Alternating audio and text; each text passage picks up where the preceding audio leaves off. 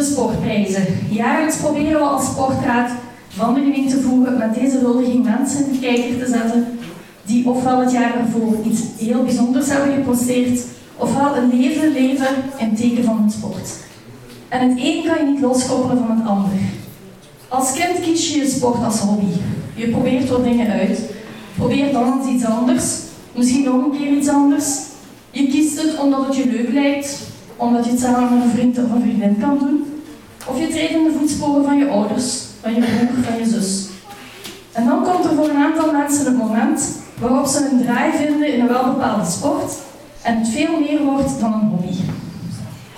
Je wordt stilaan een sportman of een sportvrouw. En naarmate de tijd vordert, gaat het, steeds, het een steeds groter stuk van je leven bepalen. Voor velen die hier in de loop van de jaren de revue gepasseerd zijn, werd het iets in de stijl van eat, work, eat, train, eat, sleep. Repeat. De week wordt ingedeeld in functie van de trainingen. De weekends in functie van competitie of toernooien, wedstrijden in het buitenland en soms afwezigheden van enkele dagen. Maaltijden worden verschoven, afspraken met vrienden worden verzet of geannuleerd. Data voor familiefeesten worden gekozen in het tussenseizoen. En zo wordt het hele gezin erin meegezogen. En geloof me, ik spreek uit ervaring. Moeders, vaders en partners zorgen voor de juiste maaltijden op de goede momenten. Zorgen dat uitrusting en materiaal in orde is. Zorgen ervoor dat iedereen op het juiste moment op de goede plek is. En weer terug.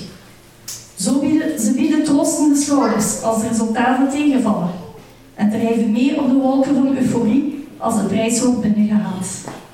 En hoewel het vandaag natuurlijk gaat om de laureaten Nicola, Servij en de Birds, wil ik het toch niet nalaten om vandaag ook hun gezinnen, families, vrienden en entourage te feliciteren. Proficiat voor het geduld dat jullie aan de dag hebben gelegd. De volharding, de flexibiliteit, het organisatietalent die ook jullie hebben getoond, de kilometers die jullie hebben afgelegd, de dingen die je jezelf niet gegund hebt, omdat er nu eenmaal dringend een nieuw paar loopschoenen, een nieuw paar danslaarzen of een onderdeel van een auto moest worden aangekocht. Jullie hebben er mede voor gezorgd dat de laureaten hier vandaag staan. Het spreekwoord zegt, achter elke succesvolle man staat een sterke vrouw.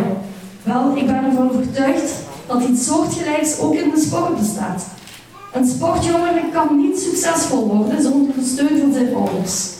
Een volwassen sportman of sportvrouw kan niet succesvol blijven zonder de steun van zijn partner, zijn gezin, zijn familie.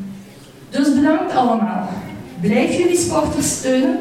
Ze kunnen niet zonder jullie. Aan Sergej, Nicola en de meisjes van de Pearls, heel hartelijk gefeliciteerd. Jullie hebben deze prijzen uiteraard meer dan verdiend. Ga zo verder en vergeet niet af en toe de mensen om jullie heen te bedanken voor hun bijdrage aan jullie succes.